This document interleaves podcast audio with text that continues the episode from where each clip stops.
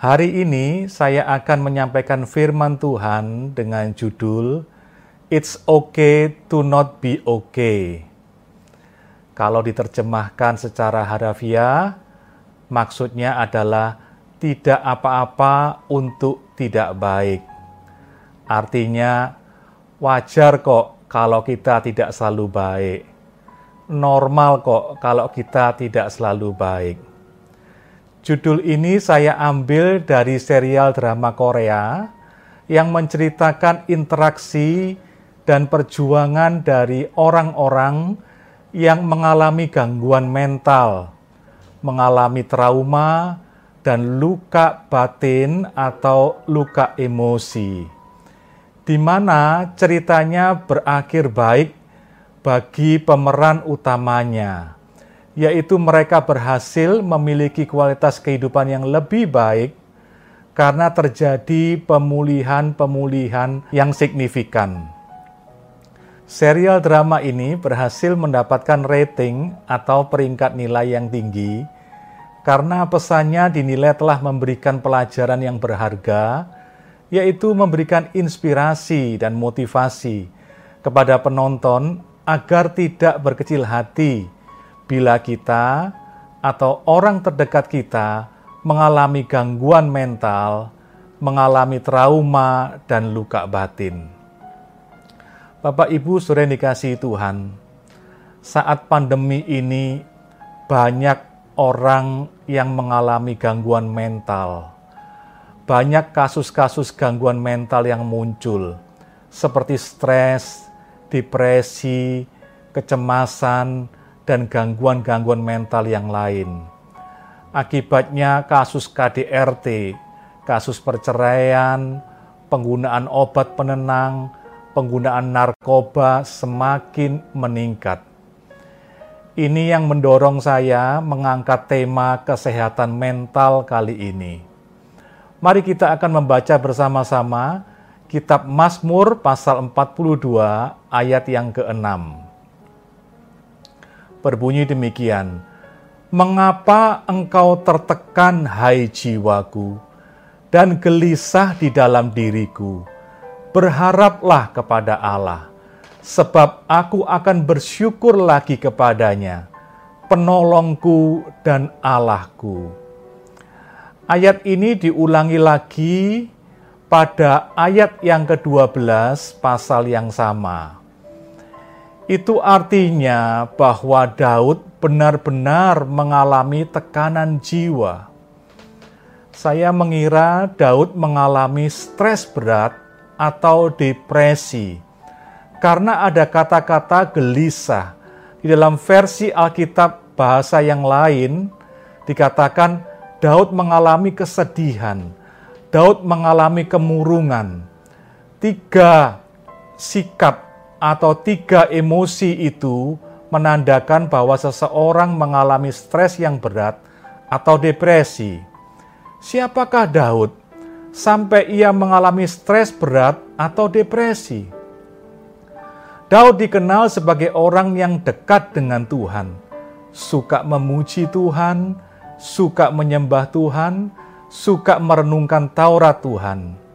Ini artinya bahwa tekanan jiwa Stres, depresi tidak memandang bulu, bisa dialami siapa saja, orang yang rohani atau orang yang tidak rohani, orang yang berpendidikan tinggi atau tidak, usia tua atau muda atau anak-anak, pria atau wanita.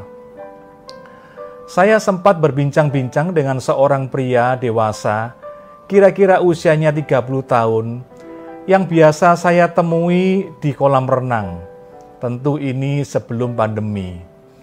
Pria ini sedang menempuh pendidikan setingkat doktoral atau S3 di bidang hukum dan mengaku kepada saya bahwa dia sedang menjalani terapi karena mengalami depresi. Dan salah satu terapi yang diberikan oleh dokternya adalah dia harus melakukan olahraga secara rutin. Bapak Ibu, saya ingin menyampaikan tanda-tanda orang yang mengalami tekanan jiwa tanda-tanda orang yang mengalami stres pada level tertentu, stres yang cukup berat, atau depresi. Yang pertama adalah orang tersebut menjadi kurang sabar dan mudah marah.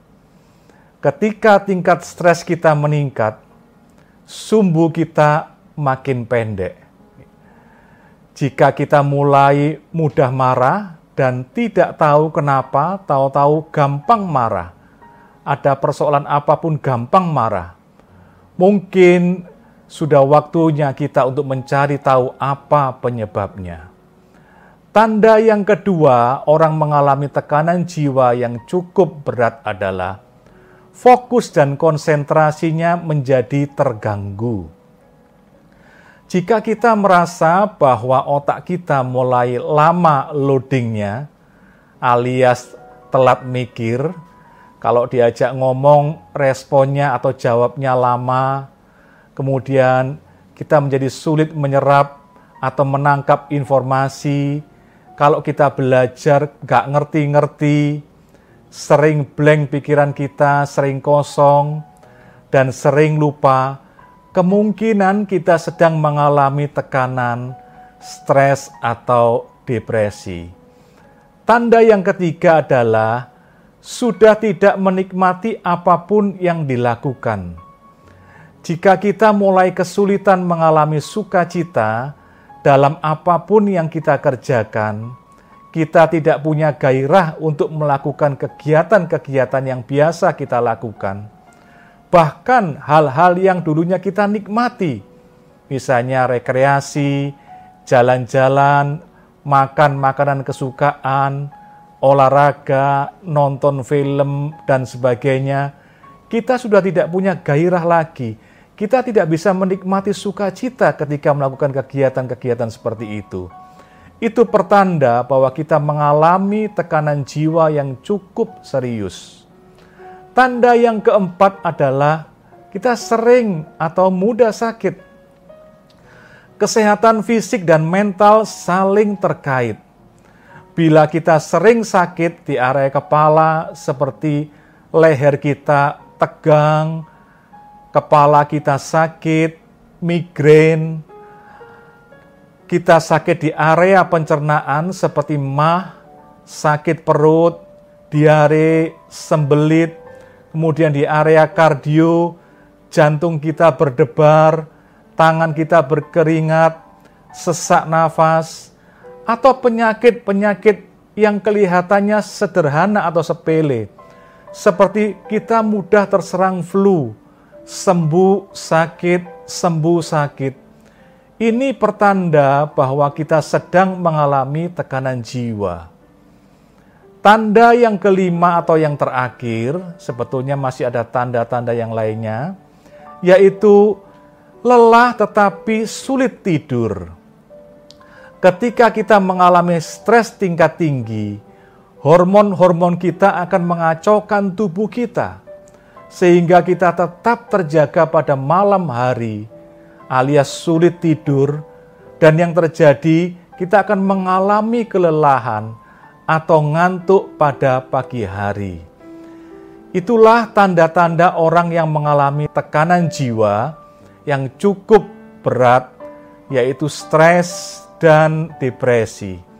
Nah, yang paling penting adalah bagaimana kita menyikapi ketika kita mengalami tekanan jiwa secara sehat.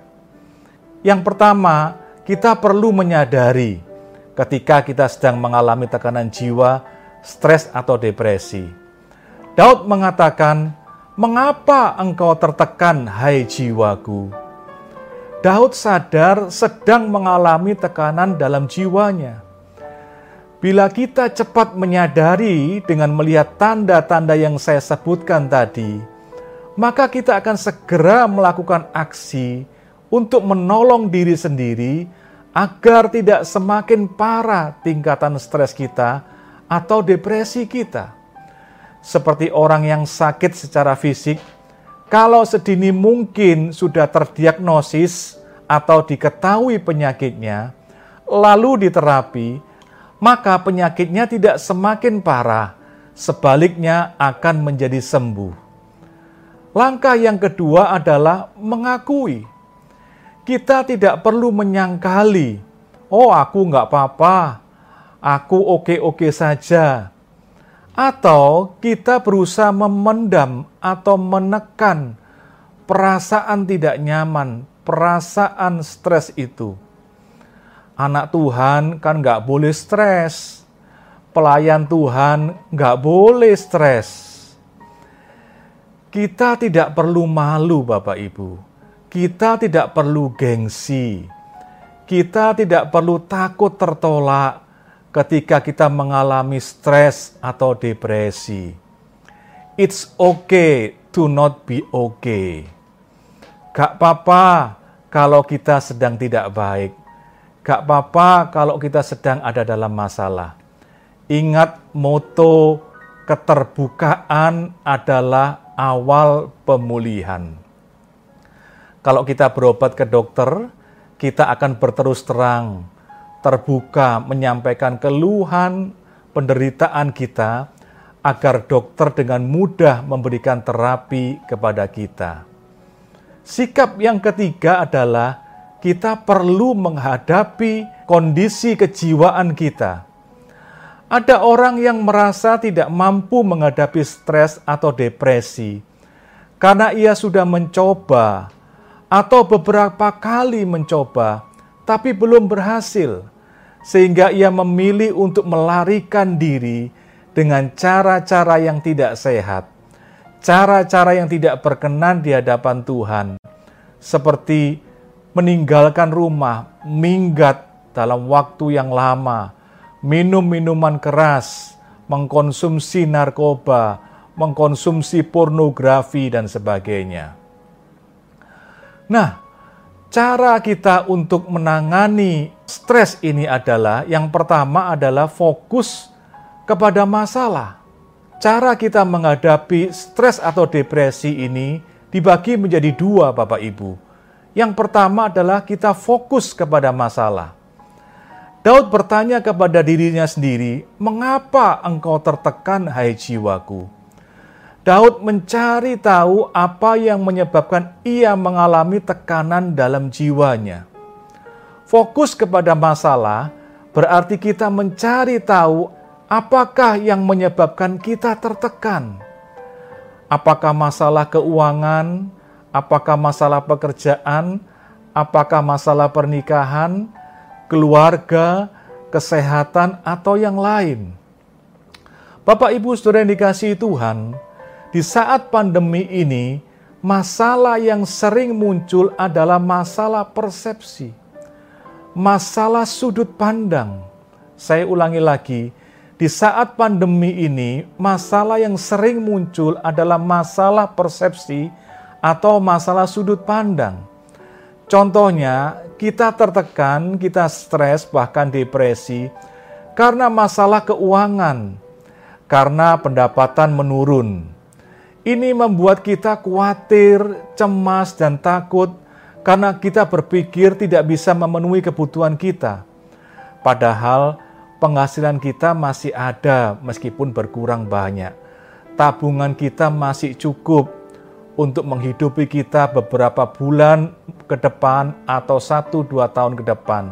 Aset kita masih ada. Ini yang saya namakan dengan masalah persepsi. Menurut saya, kita mengalami masalah keuangan yang sesungguhnya bila penghasilan kita sudah tidak mampu mencukupi kebutuhan hidup kita. Kita tidak mampu membayar hutang kita, kita tidak punya tabungan, kita tidak punya aset untuk dijual. Kita harus mencari jalan keluar. Kita harus menghadapi masalah ini dengan serius, karena masalah ini sungguh-sungguh menjadi masalah bagi kita. Contoh yang kedua adalah kita tertekan, kita stres karena masalah kesehatan. Sebenarnya kita sedang memiliki kekhawatiran yang berlebihan akan tertular virus atau COVID-19. Apa penyebabnya? Setiap hari kita menerima berita atau informasi yang negatif mengenai COVID-19. Misalnya Jatim menempati posisi kedua tertinggi setelah DKI, angka orang-orang yang tertular atau atau orang-orang yang terdekat dengan kita tertular COVID-19, bahkan sampai meninggal dunia. Sedangkan kita harus beraktivitas di luar rumah.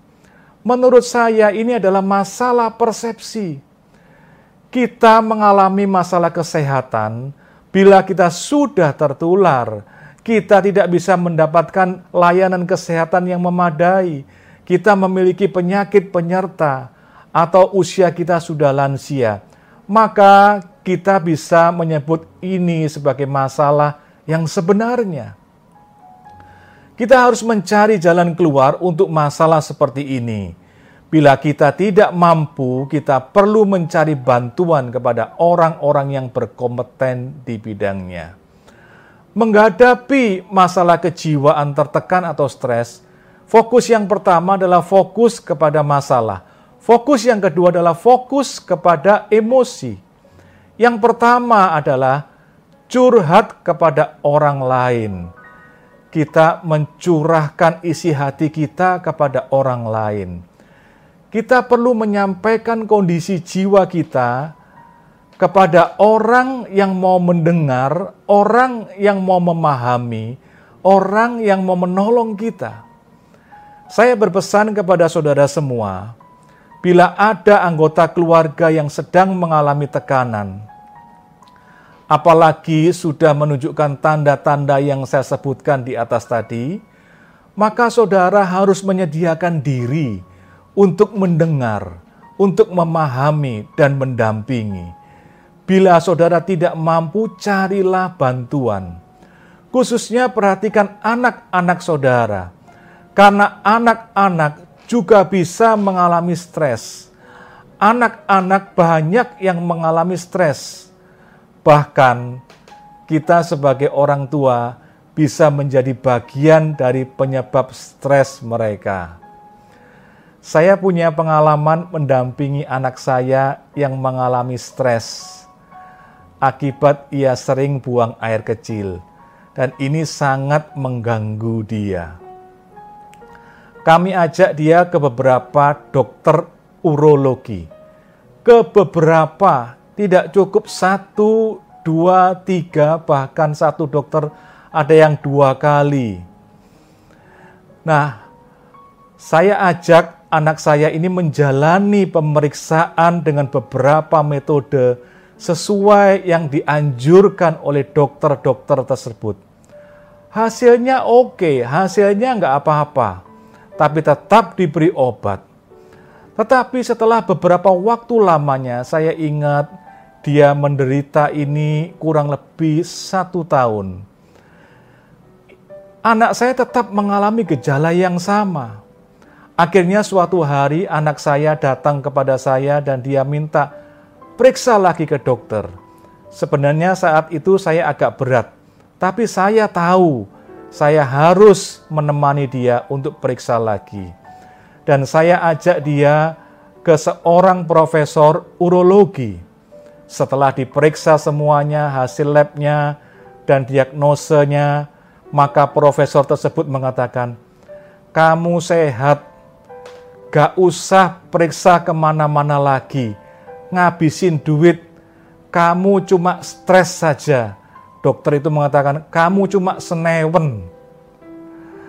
Sejak saat itu anak saya menjadi yakin bahwa ia tidak punya masalah dengan organ kelaminnya, dengan seringnya ia kencing, dan sampai saat ini ia tidak pernah mengalami gejala yang sama lagi. Jadi polanya stres sering buang air kecil, khawatir ada penyakit di area kelamin, lalu stres lagi, dan seterusnya berputar seperti itu. Setelah diperiksa dan diyakinkan oleh ahlinya, maka berhentilah stres itu, sekaligus gejala sering buang air kecilnya. Sebetulnya saya tahu anak saya tidak ada penyakit di area organ kelaminnya setelah melalui beberapa pemeriksaan tapi saya perlu mendampingi dia konsultasi ke beberapa dokter lagi untuk meyakinkan dia bahwa dia sehat. Saya menduga anak saya tertekan karena beban studi yang berat. Karena ketika di kampus, ia menjadi sering ke toilet. Cara yang kedua, fokus kepada emosi adalah curhat kepada Tuhan. Mencurahkan isi hati kita kepada Tuhan.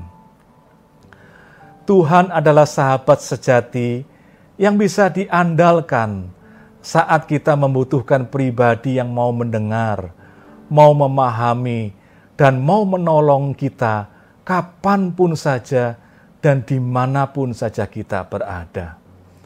Daud mengatakan kepada dirinya sendiri, "Berharaplah kepada Allah." Karena Daud meyakini bahwa Allah adalah penolongnya. Kita perlu menyampaikan secara mendalam, secara bebas, apa saja yang kita pikirkan, apa saja yang kita rasakan kepada Tuhan.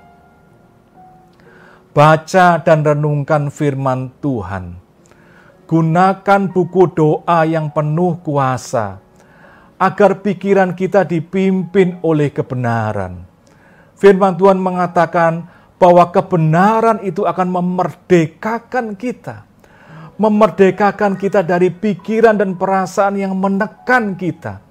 Pikiran dan perasaan yang membuat kita tidak bisa merasakan damai sejahtera.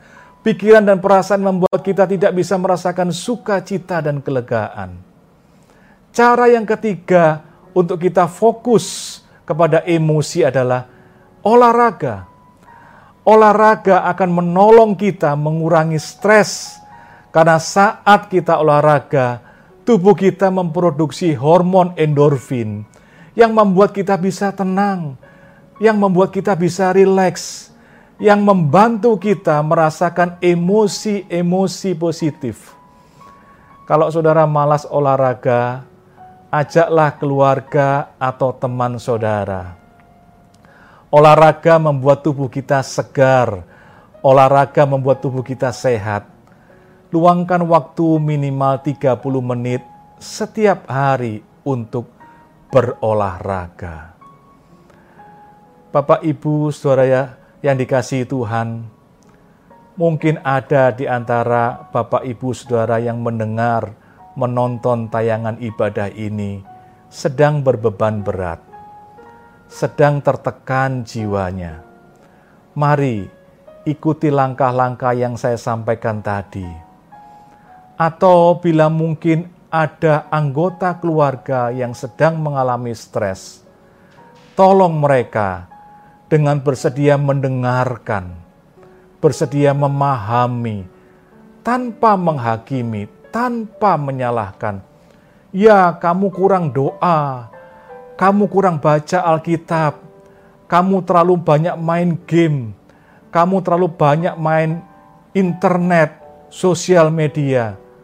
Jauhkanlah menghakimi, jauhkanlah menyalahkan. Saudara perlu mendengarkan mereka, saudara perlu memahami mereka, saudara perlu mendampingi mereka. Kalau Bapak Ibu Saudara merasa tidak mampu, rujuklah, ajaklah kepada orang yang bisa menolong. Saya percaya kalau Bapak Ibu bersedia menolong anggota keluarga atau orang-orang yang dipercayakan dalam hidup Bapak Ibu untuk Bapak Ibu tolong, saya percaya Roh Kudus akan menolong kita semua untuk bisa menjadi penolong yang baik. Mari kita berdoa. Bapa Surgawi, hamba telah menyampaikan firman Tuhan mengenai stres, mengenai tekanan jiwa atau depresi. Seringkali beberapa orang Tuhan mengalami, bahkan kami sendiri mengalami stres. Dan tingkatan stres itu mulai berat sampai kepada depresi, sehingga kami kehilangan minat, kehilangan gairah, kami kehilangan fokus, kami mulai tidak sabar dan marah, kami mulai sering mudah sakit, Tuhan. kami mulai sulit tidur. Bapa, Engkau menolong bila ada di antara pemirsa hari ini yang mengalami hal tersebut, atau anggota keluarga, atau orang-orang di sekelilingnya, atau anggota komsel yang mengalami kondisi yang seperti itu. Biarlah setelah kami mendengar firman Tuhan pada pagi hari ini, kami boleh memahami keadaan itu. Kami boleh menolong baik diri kami sendiri. Kami boleh mengerti bagaimana harus bersikap ya Bapak. Kami tidak perlu malu, kami tidak perlu memendam, kami tidak perlu menyangkali atau mengabaikan tapi kami perlu menyadari dan mengakui dan berani menghadapi persoalan atau kondisi kejiwaan kami atau orang-orang yang ada di dekat kami. Tuhan, Engkau menolong kami semuanya agar kami bisa bebas dari tekanan jiwa atau kami bisa menolong orang-orang yang terdekat dengan kami untuk bisa bebas dari tekanan jiwa, stres atau depresi. Bapa Surgawi, biarlah firman Tuhan pada pagi hari ini memampukan kami untuk melihat kondisi jiwa kami, untuk menolong diri kami, untuk menolong orang-orang di sekeliling kami yang mengalami kondisi kejiwaan yang sedang tertekan, sedang stres, atau sedang depresi. Terima kasih Bapa. Kami percaya Tuhan, Engkau menghendaki hidup kami dipenuhi dengan damai sejahtera, hidup kami dipenuhi dengan sukacita, hidup kami dipenuhi dengan kelegaan. Meskipun kami harus menghadapi berbagai persoalan di muka bumi ini, kami percaya Roh Kudus yang akan memberikan hikmat kepada kami, Roh Kudus yang akan menolong kami, memampukan kami menghadapi berbagai persoalan, menghadapi berbagai kondisi kejiwaan kami. Terima kasih Bapa. Hamba mohon berkatmu agar setiap orang yang mendengar firman Tuhan pagi hari ini menjadi memahami, menjadi mengerti, menjadi sigap, menjadi terampil untuk menghadapi kondisi kejiwaan yang tertekan atau stres atau depresi. Terima kasih Bapak. Hamba bersyukur untuk ibadah pagi hari ini biarlah kami semua diberkati dengan ibadah ini. Di dalam nama Tuhan Yesus Kristus kami berdoa. Amin. Bapak Ibu, kita akan menyimak beberapa pengumuman setelah ini.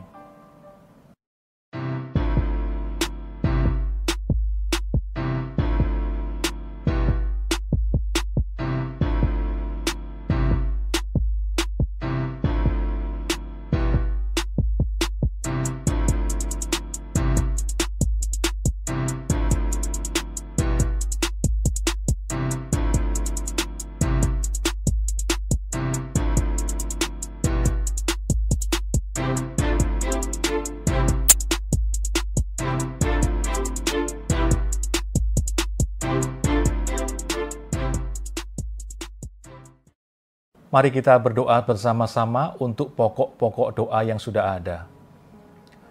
Bapa Surgawi kami bersehati agar Engkau menyertai upaya pemerintah dalam menjalankan berbagai strategi untuk mencegah terjadinya resesi ekonomi di Indonesia. Kami juga berdoa untuk korupsi senilai triliunan rupiah yang melibatkan aparat penegak hukum, pejabat tinggi negara, dan pengusaha dalam kasus suap Joko Chandra dan kasus Jiwasraya bisa terbongkar. Engkau menyertai aparat Kejaksaan Agung. Kami juga berdoa untuk KPUD selektif dalam proses pendaftaran calon wali kota dan wakil wali kota Surabaya yang akan diadakan pada tanggal 4 sampai 6 September yang akan datang. Kami rindu ya Tuhan, terpilih orang yang berintegritas, orang yang punya kemampuan untuk memimpin kota Surabaya, orang yang sungguh-sungguh bekerja untuk masyarakat Surabaya. Kami juga berdoa agar kami, Tuhan Jemaat Kristus Pencipta, sebagai pemurid-pemurid sungguh-sungguh punya komitmen yang tinggi di dalam melakukan pemuritan secara pribadi, agar Tuhan menghasilkan murid-murid Kristus yang kuat imannya dan taat melaksanakan amanat agung. Bapak, Ibu, saudara-saudara yang dikasih oleh Tuhan, mari kita meninggalkan ibadah ini dengan membawa berkat Tuhan. Tuhan memberkati engkau dan melindungi engkau. Tuhan menyinari engkau dengan wajahnya dan memberi engkau kasih karunia. Tuhan menghadapkan wajahnya kepadamu dan memberi engkau damai sejahtera. Mari kita meninggalkan ibadah ini dengan penuh sukacita di dalam nama Tuhan Yesus Kristus. Mari kita semua yang percaya bersama-sama berkata, Amin.